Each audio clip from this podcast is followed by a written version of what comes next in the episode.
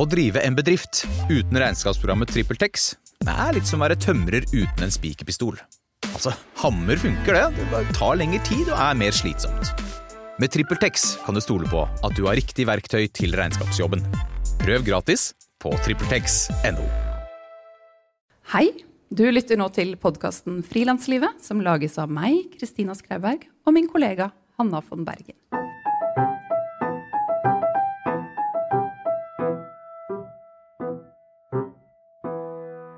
Denne episoden tar vi opp under et live arrangement som holdes av Skuda, Skuespiller- og dansealliansen.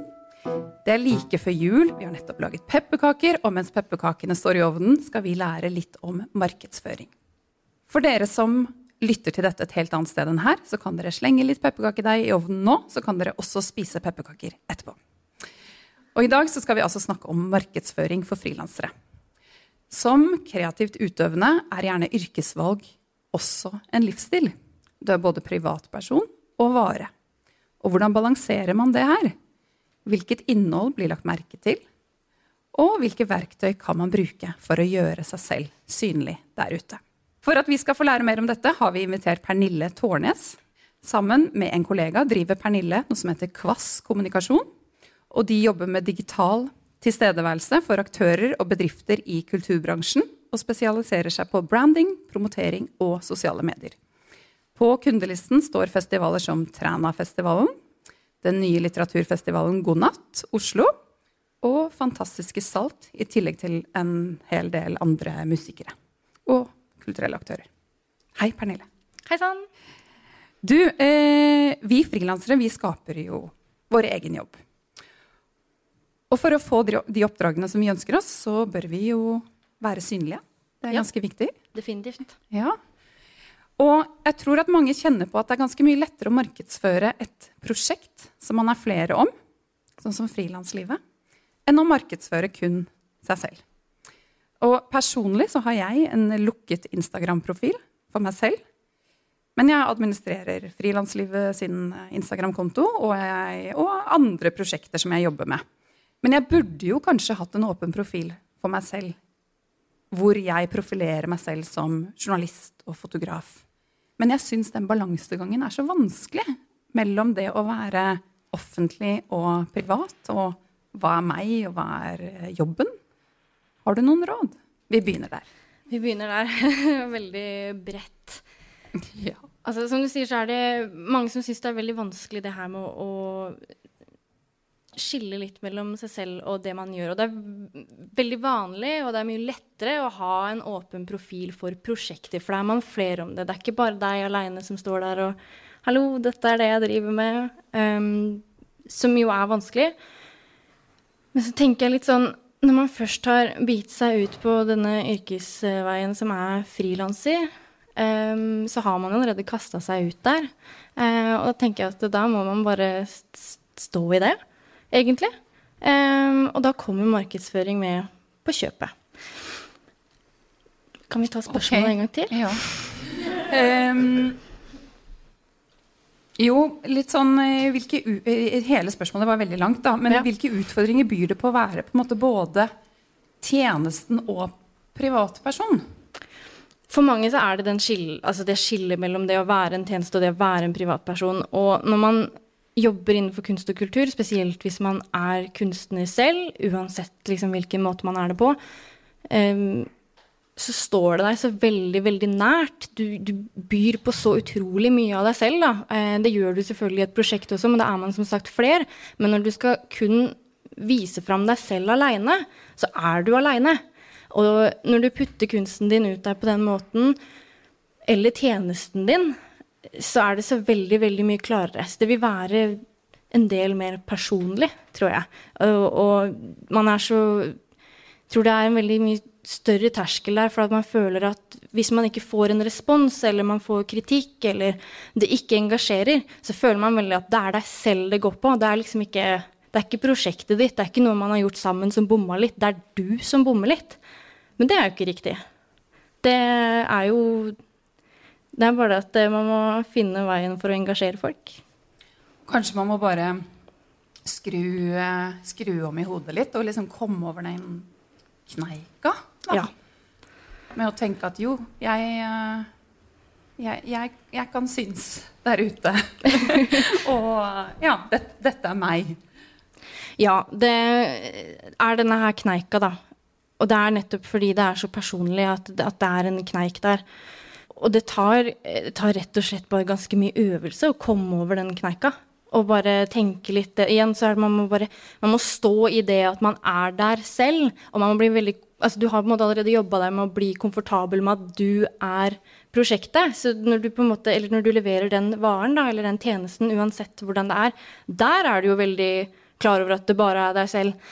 Men hvordan skal du ta dette her ett steg opp og kunne vise det liksom i sosiale medier, at du er deg selv, tenker jeg at det er liksom hovedproblemet der. Og ja, den kneika kommer man seg bare over hvis man øver, som så mye annet. Og jeg tenker Det er jo veldig mye som hører hjemme igjen da, litt mer sånn eh, eh yrkesrettet eh, profil. da. Mm. Sånn eh, Nå spiller vi her, eller nå gjør vi dette, eller øver på dette, eller Eh, men det kan jo også bli litt mye sånn Se på meg, jeg gjør dette. Så det skal jo kanskje balanseres med litt andre ting også. Så, som kanskje er litt personlig og privat. Ja, eller, eller det, personlig, i hvert fall. Det kommer veldig an på hvordan man ønsker selv å balansere det. Eh, du kan jo f.eks. ha to profiler, som du snakka om i stad. Du kan ha én privat du kan ha én profesjonell, men ofte når du er varen selv, så blir du nødt til å by på noe av deg selv. Åpenbart. Um, og da må man klare å sette noen rammer for seg selv um, og finne ut av hva man syns er behagelig. Uh, hvor er du komfortabel selv med å klare å eksponere uh, den varen som du er? Uh, og så må man klare å si sånn hvor profesjonell skal jeg være? Hvor personlig skal jeg være? Eh, den cirka sånn tretrinnsgreie. Du er veldig personlig, du er litt personlig, du er ikke personlig. Eller andre veien.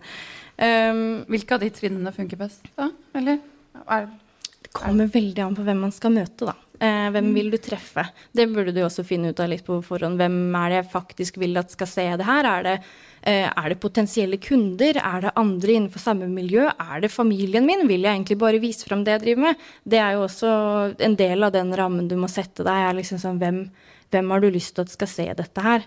Og er det familien og vennene dine, så kjører du det 100 personlig. Men eh, vil du ha nye kunder, så må du klare å finne den balansen mellom hvor mye av deg ligger i den tjenesten du leverer. Og det handler kanskje om å først sette seg ned og tenke Eller komme frem til hvem er jeg? og hva vil jeg vise at jeg er? Altså liksom, hvem Ja. Hvem er Hvilken artist er jeg, på en måte? Hva mm. er det jeg vil formidle? Hvordan jobber man litt med det, liksom? Altså ofte generelt når man jobber med markedsføring, så går man veldig gjennom en sånn ja, hvem skal jeg treffe? Hvordan vil jeg treffe de? Hva slags innhold eh, kan jeg lage, eller liker jeg å lage, eller burde jeg lage? Eh, hva slags tone skal jeg ha? Skal jeg snakke på engelsk? Skal jeg snakke på norsk? Skal jeg være morsom? Skal det være profesjonelt? Du må eh, finne deg en del sånn stikkord på hvordan du vil være, og hva du har lyst til å formidle. Og så må man begynne å, å skape innhold rundt det. Og da, jo, da, må man bruke litt tid på å finne ut av hva som funker også. Det er jo det at Du kan på en måte ikke bare kjøre ut med en sosiale medieprofil og så tenker du ja, jeg er ferdig.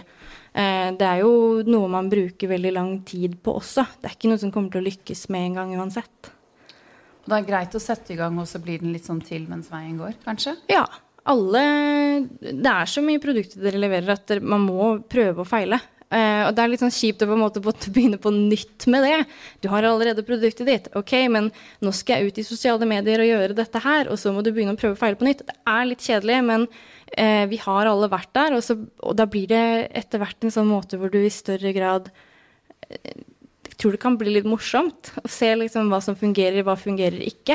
Og man lærer veldig veldig mye av produktet da, man leverer når man jobber sånn at man hele tiden følger med og og det kan være likes, eller om du følger med på kommentarer, eller om du følger med på reach på Facebook, eller hva det er. At når du begynner å kunne sette det litt inn i systemet og se hva som fungerer, så føler du også at veien videre vil bli en del enklere.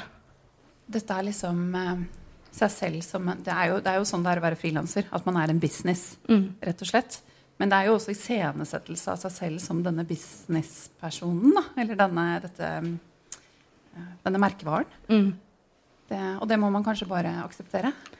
Ja, det er litt igjen, du har på en måte allerede putta deg ut der, og det er veldig kjipt å bare putte seg selv ut der og tenke at dette her er Jeg er produktet mitt. Det er allerede en vanskelig avgjørelse å ta. og Da tenker jeg at da burde ikke avgjørelsen om å kunne gjøre det kjempebra i sosiale medier egentlig Eller ha det som mål, burde egentlig ikke være så vanskelig.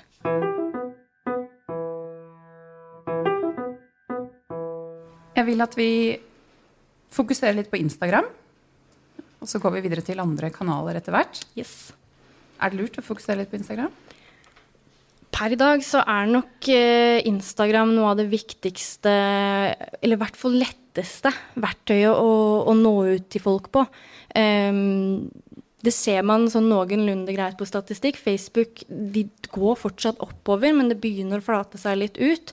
Uh, mens Facebook har en mye større tilstrømning av f.eks. For eksempel, for, for forskjellige aldersgrupper. det tok litt tid, da. Um, og da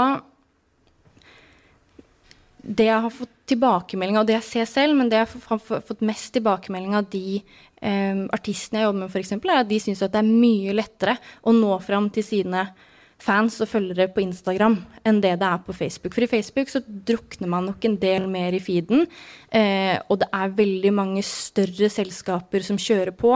Eh, man ser ikke nødvendigvis mer sponsa innlegg på Facebook, men det er en del ting som f.eks. kun kan bli kjørt på Facebook når man oppretter annonser. Um, som vil gjøre at det, ja, det blir en litt mer heavy flow. Og så har man ofte hatt Facebook mye lenger enn det man har hatt Instagram. Så man har så utrolig mye gammelt ræl som bare dukker opp i feeden, som man glemmer å bare avlike eller avfølge eller unfriende eller hva det skal være. Mens på Instagram så er det mye mer valgfritt hvem man følger. Eller det kan være mer valgfritt hvem man følger.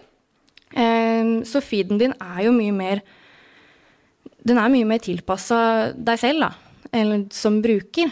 Uh, så da vil man jo naturligvis også få mer av det man tenker at man liker der, kontra hva man kanskje tenker man får se på Facebook. Så Instagram er jo et sted jeg går hvis jeg har lyst til å se på ting jeg liker. Facebook er en ting jeg bruker hvis jeg vil ha informasjon. Jeg er helt enig. Og jeg, jeg når ut til våre fans via Instagram. Alle, alle våre fans. Um, og så har jeg funnet noen tall. Eh, ifølge Ipsos har 2,2 millioner nordmenn, eh, ikke menn, men nordmenn, en Instagram-konto. Og 61% bruker den hver dag. Også hver tredje kvinne over 60 år har en Instagram-profil. Men med så mange mennesker som er på Instagram, eh, kan vi snakke litt om hva slags innhold som skaper mest engasjement? Eller hva som hva blir lagt merke, blir lagt merke til? ja, eh, Hovedregel nummer én i alt av sosiale medier er bra innhold. Så er det litt sånn OK, men hva er bra innhold? Og der har jeg ikke noen direkte fasit, for igjen, det her kommer veldig an på hvem vil du møte, hvordan møter du de, eh, finner du de i det hele tatt på Instagram. Men en sånn veldig sånn gjengangere i hva som er bra innhold, er veldig ofte ansikter, og det er blide ansikter. Eh, I Norge så er vi veldig glad i utsikt og landskap. veldig mye flotte fjell og snø. Ofte litt sånn solnedganger. Eh, kanskje litt vanskelig å inkorporere det i deres, eh, eller egentlig i ganske mange sin profesjonelle Instagram-profil, med mindre du er Visit Norway.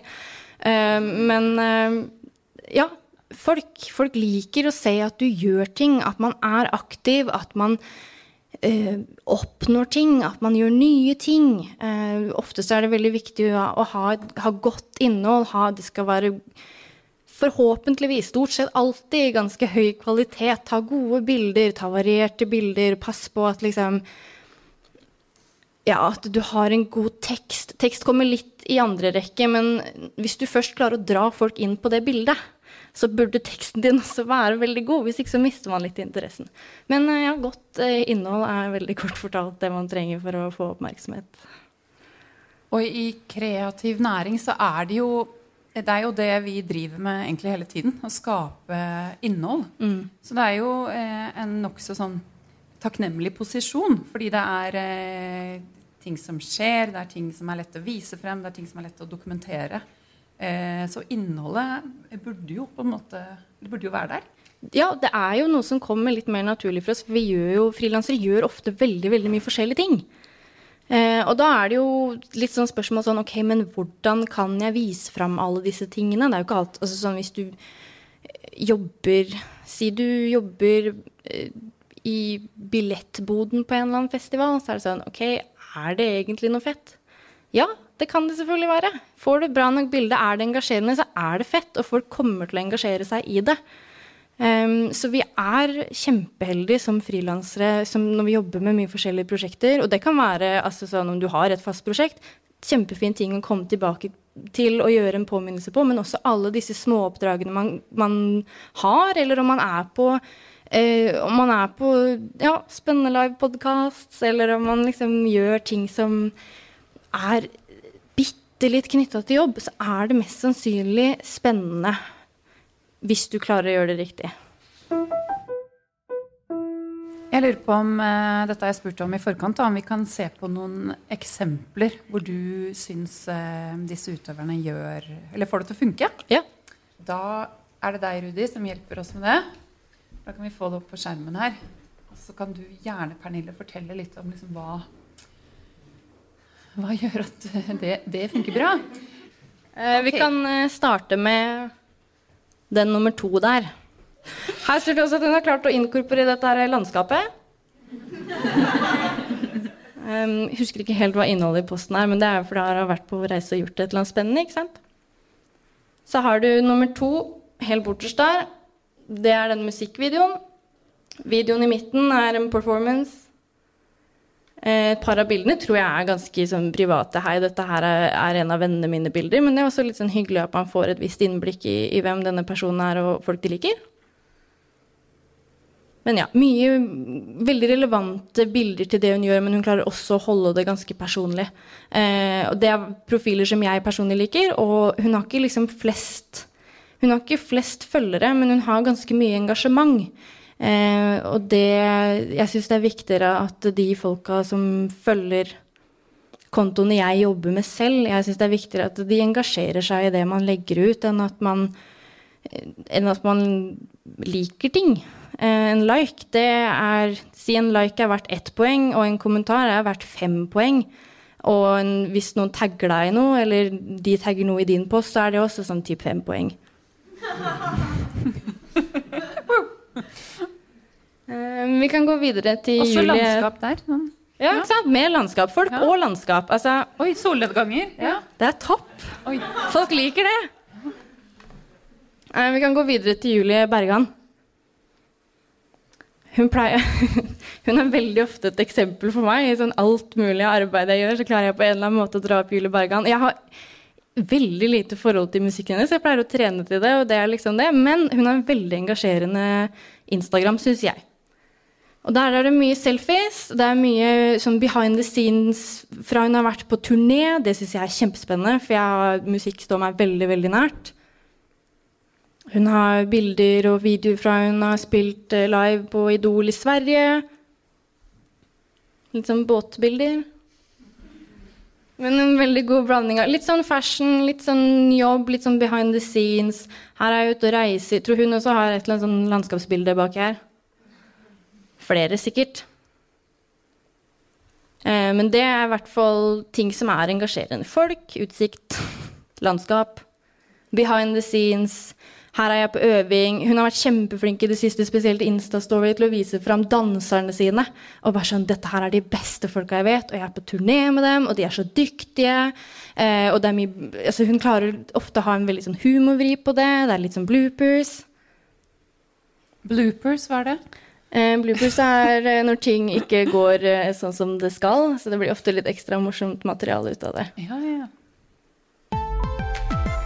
Å drive en bedrift uten regnskapsprogrammet TrippelTex er litt som å være tømrer uten en spikerpistol. Altså, hammer funker det, det tar lengre tid og er mer slitsomt. Med TrippelTex kan du stole på at du har riktig verktøy til regnskapsjobben. Prøv gratis på TrippelTex.no. Ukas tilbud hos Spar. Nyt en rask og billig middag denne uka. Nå får du heller 40% rabatt på et utvalg Grandiosa. Du kan også lage burger med 600 gram Big Pack burger fra Folkets. Før 109, nå kun 79,90. Alltid tilbud på noe godt. Hilsen oss i Spar. Jeg kan gå over til Jenny Skavlan. Hun er, eh, som eh, sikkert ganske mange vet, eh, veldig aktiv og gjør helt sinnssykt mye ting. Og postene hennes også er jo veldig ofte bare sånn Hun har veldig mye humor. da, Jeg syns det er veldig veldig gøy å følge henne fordi jeg sitter og ler for meg sjæl. Altså Dagens var at hun hadde tatt med seg sånn tisseprøve i Ja. ja. Eh, topp med tisseprøver. Eh, men det er, sånn, det er kanskje ikke noe alle burde prøve ut, for det kan, kan bli litt ekstremt. Men ja, hun har bilder, altså hun har jo dette Sion-prosjektet hun deler veldig mye av det. Hun deler mye fra Tice. Eh, hun deler mye fra hvis hun har TV-performances, eller bare når hun gjør mye ekstraordinære ting. Det var Eller- landskap oppi der. Ja, det var landskap der, ja. Eller når hun er på ferie. Det liker hun godt. Men nå skal ikke jeg være sånn partykiller, holdt jeg på å si. Eller hva, hva heter det? Party pooper. Party eh, men jeg sitter jo altså Selv blir jeg veldig inspirert av det her. Og eh, følger Jenny Skavlan og syns det er kult og gøy. Eh, men allikevel så sitter jeg jo og ser at dette her er jo Det oser jo av selvopptatthet. Ja. Og se på meg, dette gjør jeg.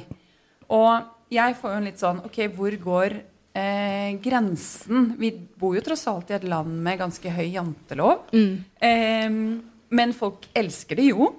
Eh, men allikevel, hvor går grensen for når bli, folk blir litt sånn kvalme av sånn Ok, alt det der gjør du, og du All den poseringen og Altså Når får man nok, liksom?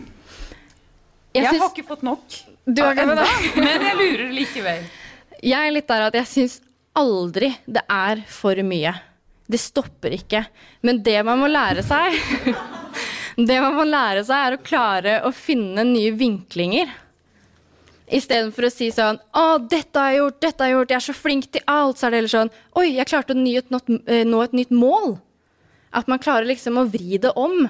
Eh, for du er din vare, så du er nødt til å prate om deg sjøl. Eller du er nødt til å prate om ting du er med på, men da vil du fortsatt prate om deg selv. Med mindre det er en utsikt. Kanskje ikke så vanskelig lett å alltid inkorporere, seg i det. Men um, ja, det har noe med at du må være kjempeflink med å bare komme opp med nye vinklinger på det du gjør.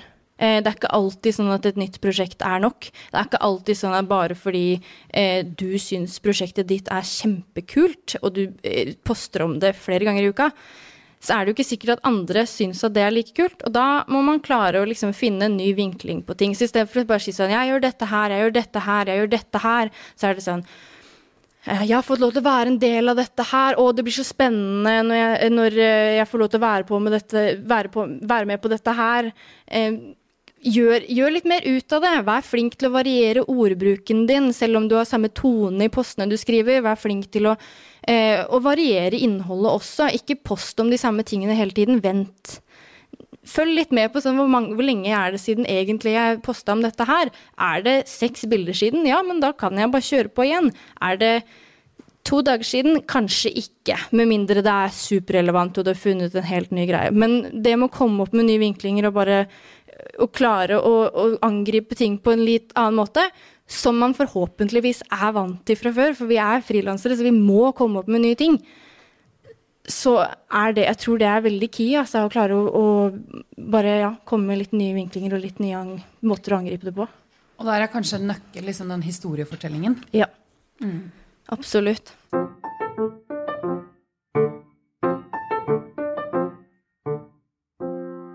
Jeg tenker vi kan gå gjennom litt flere sånne tips helt konkret til å klare seg på Instagram. Jeg ser jo at veldig mange av disse profilene her, så er det ikke så veldig eh, umiddelbare bilder som blir lagt ut. Det ser, du nevnte dette for meg sist vi snakket sammen, at det er lurt å lage seg en bildebank. Ja. Det å ha en bildebank er veldig nyttig, for det er eh, ofte eh, man kanskje gjør en del ting eh, som man egentlig har dokumentert tidligere. Eh, og det kan typ være på en øvelse, da. Eller om man har dansetrening, eller hva det skulle være. Eh, så har man ofte gjort det tidligere, i hvert fall disse hverdagslige tingene, eller bare det å ha bilder av seg selv. er jo ting man kan ta og gjøre når som helst. Og det er veldig viktig å ha ganske, ja, ganske godt innhold. Ha bra bilder, ha bilder med kvalitet. De skal være klare, det skal være eh, Ofte så gjør det det best i feeden pga. algoritmer. I um, hvert fall på Facebook. Regner med at det er sånn på Instagram òg, siden Facebook eier Instagram. Uh, at bilder som er veldig visuelt pene, også kommer høyere opp. Og det er veldig mye større sjanse for at folk liker det. Og da er det greit å ha disse bildene liggende. Det er jo ikke alt du trenger altså Hvis jeg skal si ah, jeg spiller konsert i morgen, så trenger jeg jo ikke et bilde av akkurat nå. Jeg kan jo bruke et bilde fra forrige gang jeg spilte konsert, eller når jeg var på øving. Eller bare en selfie som jeg tok for et halvt år siden. Eh, kanskje lurt å ikke gjøre det hvis du har klippet håret, eller noe sånt, men, men ha ting liggende som, er, som kan se dagsaktuelt ut, eller som du kan gjøre dagsaktuelt med teksten.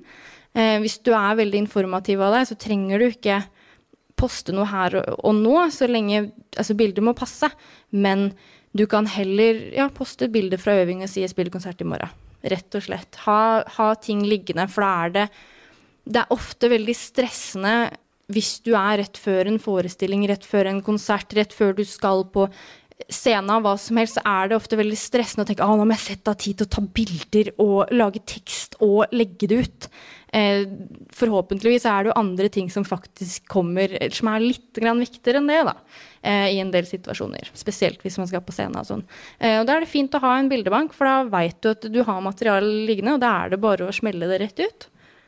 Eller eh, Det så snakka vi jo om da vi tok den kaffen.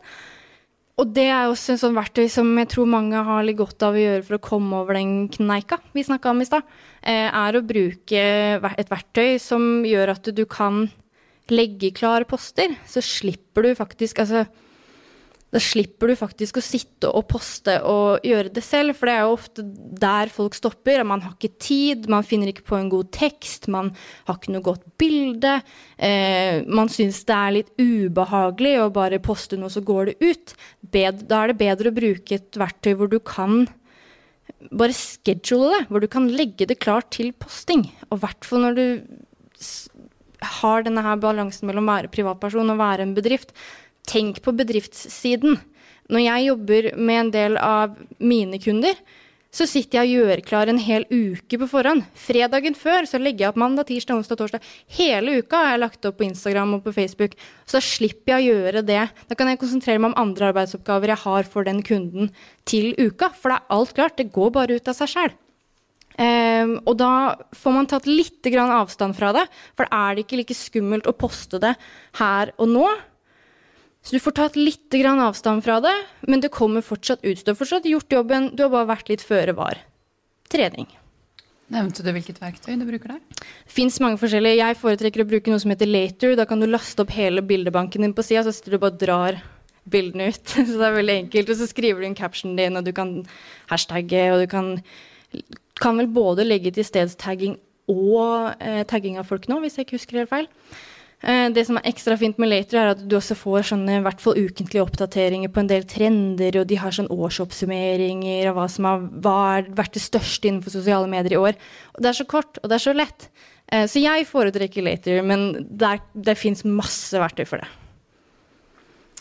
Um, hyppighet, altså sånn kvalitet over kvantitet. Mm. Hvor, hvor, ofte bør man legge ut uh, eller vise aktivitet? Jeg mener at i en fase hvor du i hvert fall skal etablere deg og begynne å bygge denne sosiale mediebasen, eh, så burde man tenke kvalitet. Du burde fortsatt ikke sånn en gang i måneden, men tenke at skal noe ut et par dager i uka. Sett deg mål på det. Og så kan du heller begynne med større hyppighet når du føler at ok, nå har jeg begynt å komme litt inn i det, eh, nå har jeg masse prosjekter på gang som er spennende. Eh, men så må man også huske at det er ikke alltid det er like lett å nå disse målene. Har du et mål om å legge ut, ut ting fire ganger i uka, og så ender du opp med å bare legge ut det samme bildet nesten hver dag, da er det bedre å vente til du har en periode hvor du har mer spennende prosjekter. Ikke sitte og pushe ut ting som du, du, faktisk ikke føler at har noen verdi. Um, men har du mye kule prosjekter, så er det ingenting som burde holde deg tilbake fra å dele det. Um, og algoritmene til Instagram, de, de gjør ikke noe forskjell på det. Um, hvor ofte det ender opp i feeden, det kommer egentlig bare til syvende og sist an på hvor mye folk følger, eller hvor mange folk følger, da. Eh, men Instagram egentlig, altså, har jo på en måte blitt en, en egen næring, eller Mm. industri. Jeg skal eh, lese et lite avsnitt fra en sak jeg leste i D2 tidligere år, tror jeg det var. Eh, og, om en fyr, da. En eh, personlig trener. Ja. Nå leser jeg. Sitat D2. De siste tre årene har den personlige treneren med studio på Bryn i Oslo reist på fem turer til USA med profesjonell fotograf. Oppdraget er alltid det samme. Portretter til Instagram. Tilsynelatende tilfeldige bilder der han ser tenkende ut i luften med tettsittende, T-skjorte i byer som Miami, New York og Los Angeles. Er det dette som må til? Eh, tror Det er jo fascinerende. først og fremst er, Hvis du har råd til det, så tenker jeg at det er jo bare å Om prøve. 100 000 i året bruker han på det. Ja, eh, jeg har ikke, hadde ikke hatt kapitalen til å gjøre det selv. um, nei, altså Finn deg heller en eh, god venn, eller om det er noen du jobber i et prosjekt med, bare sånn Gidder du ta et par bilder? Du trenger ikke bruke masse penger, du trenger ikke bruke masse tid på det heller, men bare ja, eh, ha et par liksom poseringer. Så er det ja, gidder du ta bilde av meg foran denne busken her? Eller sånn grønn bakgrunn, da, hvis det skal være litt mer visuell. At det ser Det har blitt veldig populært med grønt det året her, så man må liksom ha litt sånn pen bakgrunn. Kanskje noen blomster og sånn. Eh, så bare ta, ta et par forskjellige bilder med litt eh, forskjellige poseringer. Så har du det liggende. Ikke bruk det, ikke, sånn, ikke kjøre på med åtte av de etter hverandre, for det er veldig veldig gjennomsiktig. Men, eh, men ta sånn, ja, hvert åttende bilde da, kanskje i stedet, så er det ikke like gjennomsiktig. Det er et sånn veldig, det høres jo litt sånn snuskete ut, men det er et verktøy for å, for å utvikle seg. Men jeg har også en, en venn som bor i New York, som prøver å make it in America. Og han eh, fortalte meg at han eh, altså, Du må jo bare kjøpe deg 10 000 følgere. Eh, det gjør alle i New York, gjør det. Fordi det ser bra ut. Hva sier du til det? Nei, eh, som jeg sa i stad, så er det mye viktigere med de følgerne som faktisk gidder å engasjere seg. Eh, så ha heller de, altså den kjernen av sykt bra folk som bare støtter deg, som liker, som kommenterer, som eh, tagger og deler og styrer på. Heller ha de enn en haug av folk som liker, som egentlig ikke bryr seg. De kommer, det er ikke de som kommer og, eh, og ser på prosjektet ditt, om det er en kunstutstilling, om det er danseforestilling, om det er en annen type forestilling, om det er en konsert. De folka kommer ikke der. Og de folka er ikke De kommer ikke til å plukke deg opp fordi de trenger å bruke deg i noe. Eh, og det er ikke så Da bruker man veldig mye liksom, penger på noe som ikke egentlig gir resultater. Altså, det er jo ikke det du vil oppnå. Ja, det, ja altså Ja. Kjempehyggelig å få likes, men jeg vil jo ikke ha likes fra en bot. Jeg vil ikke ha likes fra en fake profil. Jeg vil ha likes fra folk som bryr seg. Yes. Yes. Ok, Veldig engasjert. vi skal eh, kjempebra. Vi skal ikke glemme eh, de andre arenaene. Eh, Instagram skal ikke få all oppmerksomhet. Eh, så vi går litt, men vi går litt sånn kjappere gjennom de andre. Ja. Eh, jeg har alltid tenkt viktig å ha en nettside. Hva tenker du? Er det lurt? Eh, nettsider er veldig fint å bruke som en sånn portfoliefunksjon. Eh, jeg pleier veldig sjelden å sjekke opp nettsider selv. Eh, men jeg vet at altså Det har hatt en litt sånn dødtid en stund nå, men jeg jeg ser at flere og flere eh, begynner å få det igjen. Så jeg tenker at eh, hvis du har noe Altså hvis du kan drifte den, og hvis du har mye ting du kan legge ut der, så gjør det. Men hvis det bare er sånn det er én forside og ferdig med det, så da tror jeg ikke det ser pent ut å legge ved en link til nettsida di, men folk blir litt skuffa når de trykker inn der og det egentlig ikke er noe innhold. Men godt innhold. Viktigste. Godt innhold er det viktigste. Det er mantraet i dag, egentlig. ja. Ja. Eh, pent innhold, egentlig. Ja. Pent innhold, eller altså godt innhold trenger jo ikke alltid være pent, eh, men eh, det må treffe de som skal se det. Å ha en blogg, er det helt uh, ut? Nei, eh, du ser jo at mye av disse aktørene som popper opp og Det er ikke bare influensere, men du ser jo sånn som uh, Funkygine, som egentlig er, er PT og driver med trening. Hun driver jo en blogg, og det har vært en kjempegod arena for henne. Men da blogg er så mye jobb.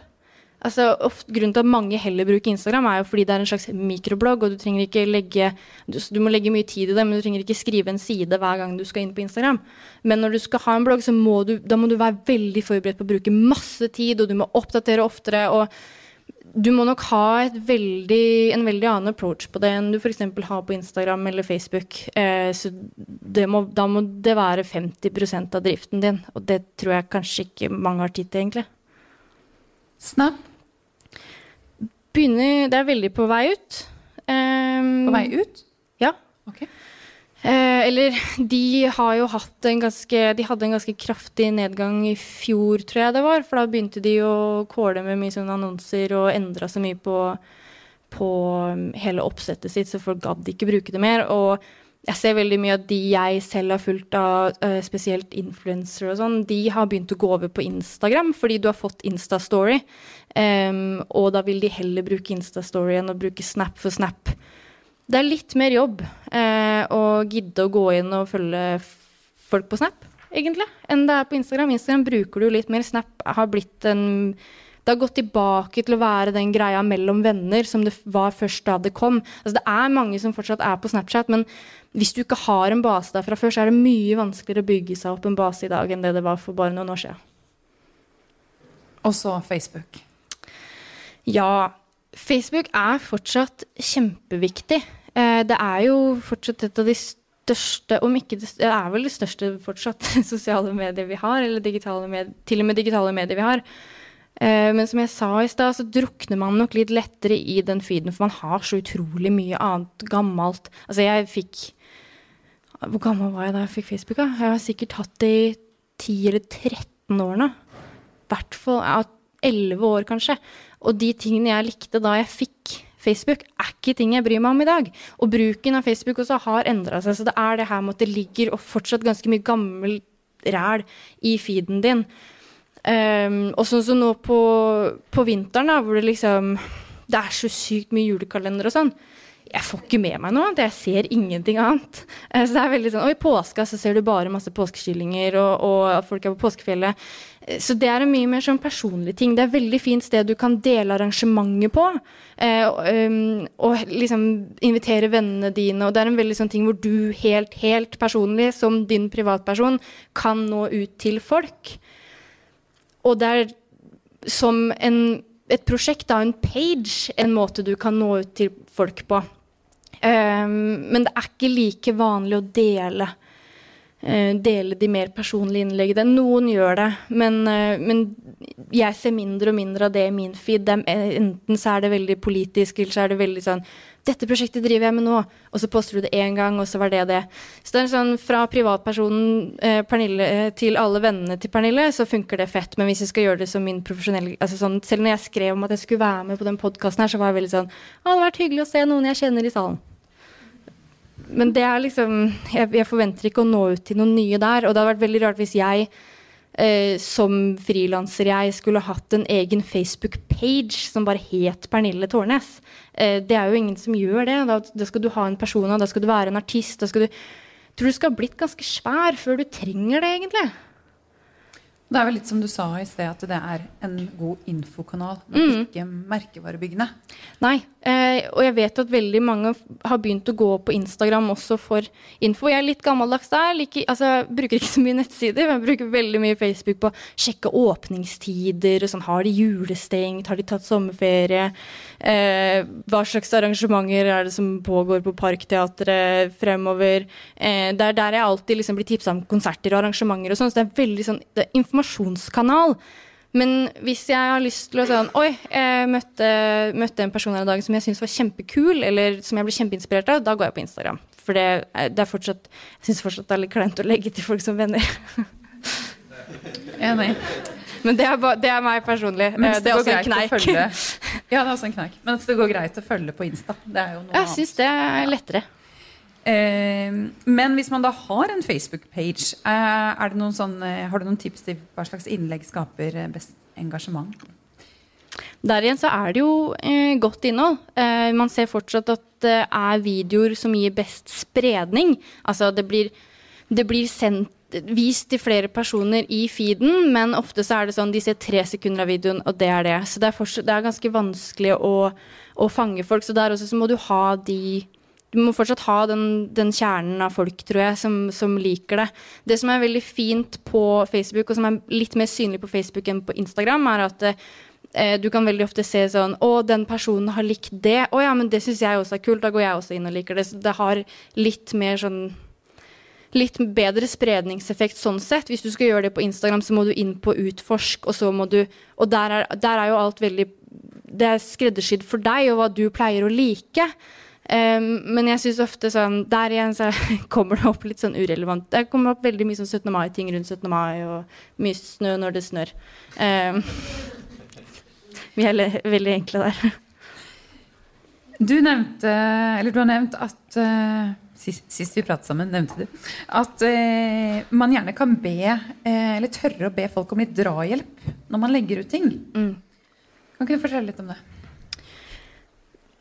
Det er jo jeg tror du må finne veldig ditt miljø i sosiale medier. Spesielt på Instagram. På Facebook så er det på en måte litt lettere, for der har du liksom harde kjernen av familie og venner og sånn som, som, liker og ofte kommenterer det meste man legger ut. Eh, og som til og med går så langt at de deler det. Mens på eh, Instagram så tror jeg det er veldig viktig å, å finne likesinnede. Det kan være folk du kjenner, det kan være folk du ikke kjenner, men du må være veldig raus, sånn at du kan begynne å skape dette miljøet hvor man er flinke til å like hverandres poster, kommentere øh, og dele og tagge og, og liksom hele, hele bøtteballetten. Eh, så man må være veldig raus og gi en del av seg selv. Vær flink til å følge. Eh, og hvis de følger tilbake, følg opp og, og lik bilder og kommenter, eh, sånn at man på en måte blir en så man har et veldig gjensidig forhold. Um, for da vil du jo igjen få disse folka som Du blir kjent med dem på internett. Du har aldri møtt dem før, men du føler en viss relasjon til dem. Um, og du føler at de er litt venner. Og da har du på en måte den her eh, digitale internett-heia-gjengen som av helt random mennesker som du har giddet å gitt litt ekstra til, og som har gitt masse ekstra tilbake. Ja, jeg eh, deler nå kontor med, med flere, men en av dem er en jeg ble kjent med fordi vi heiet på hverandre gjennom Instagram. Mm. En annen fotograf, og vi ja, liket hverandres ting, og til slutt så tok vi en kaffe.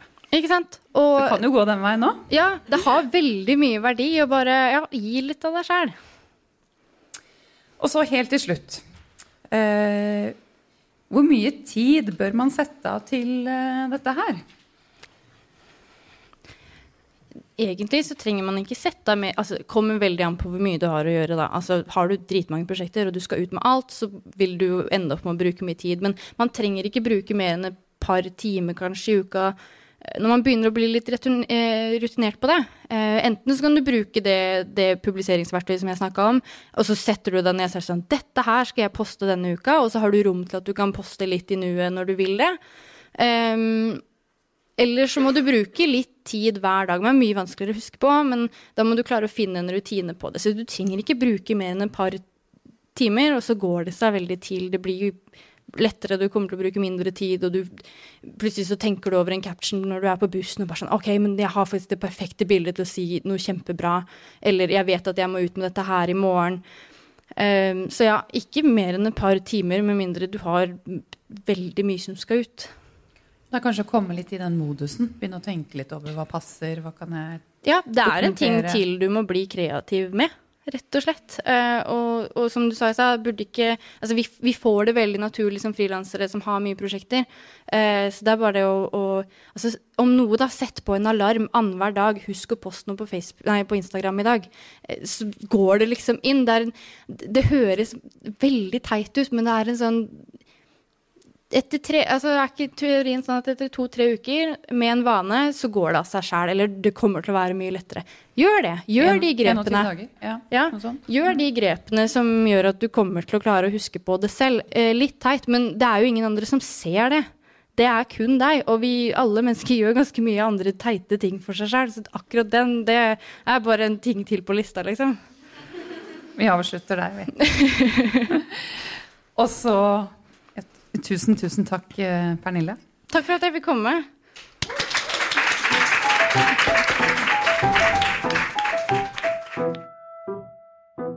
Har du lyst på mer innhold som det her? Flere episoder fra frilanslivet? Da kan du hjelpe oss med å fortelle det til en venn. Spre det glade budskap om denne podkasten. Det hjelper oss kjempemasse. Tusen takk.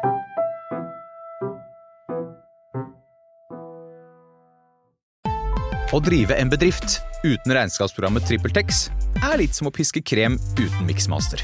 Det går jo, men det bare tar masse unødvendig tid. TrippelTex, det fleksible regnskapsprogrammet som forenkler hverdagen for over 100 000 fornøyde kunder. Prøv gratis på trippeltex.no.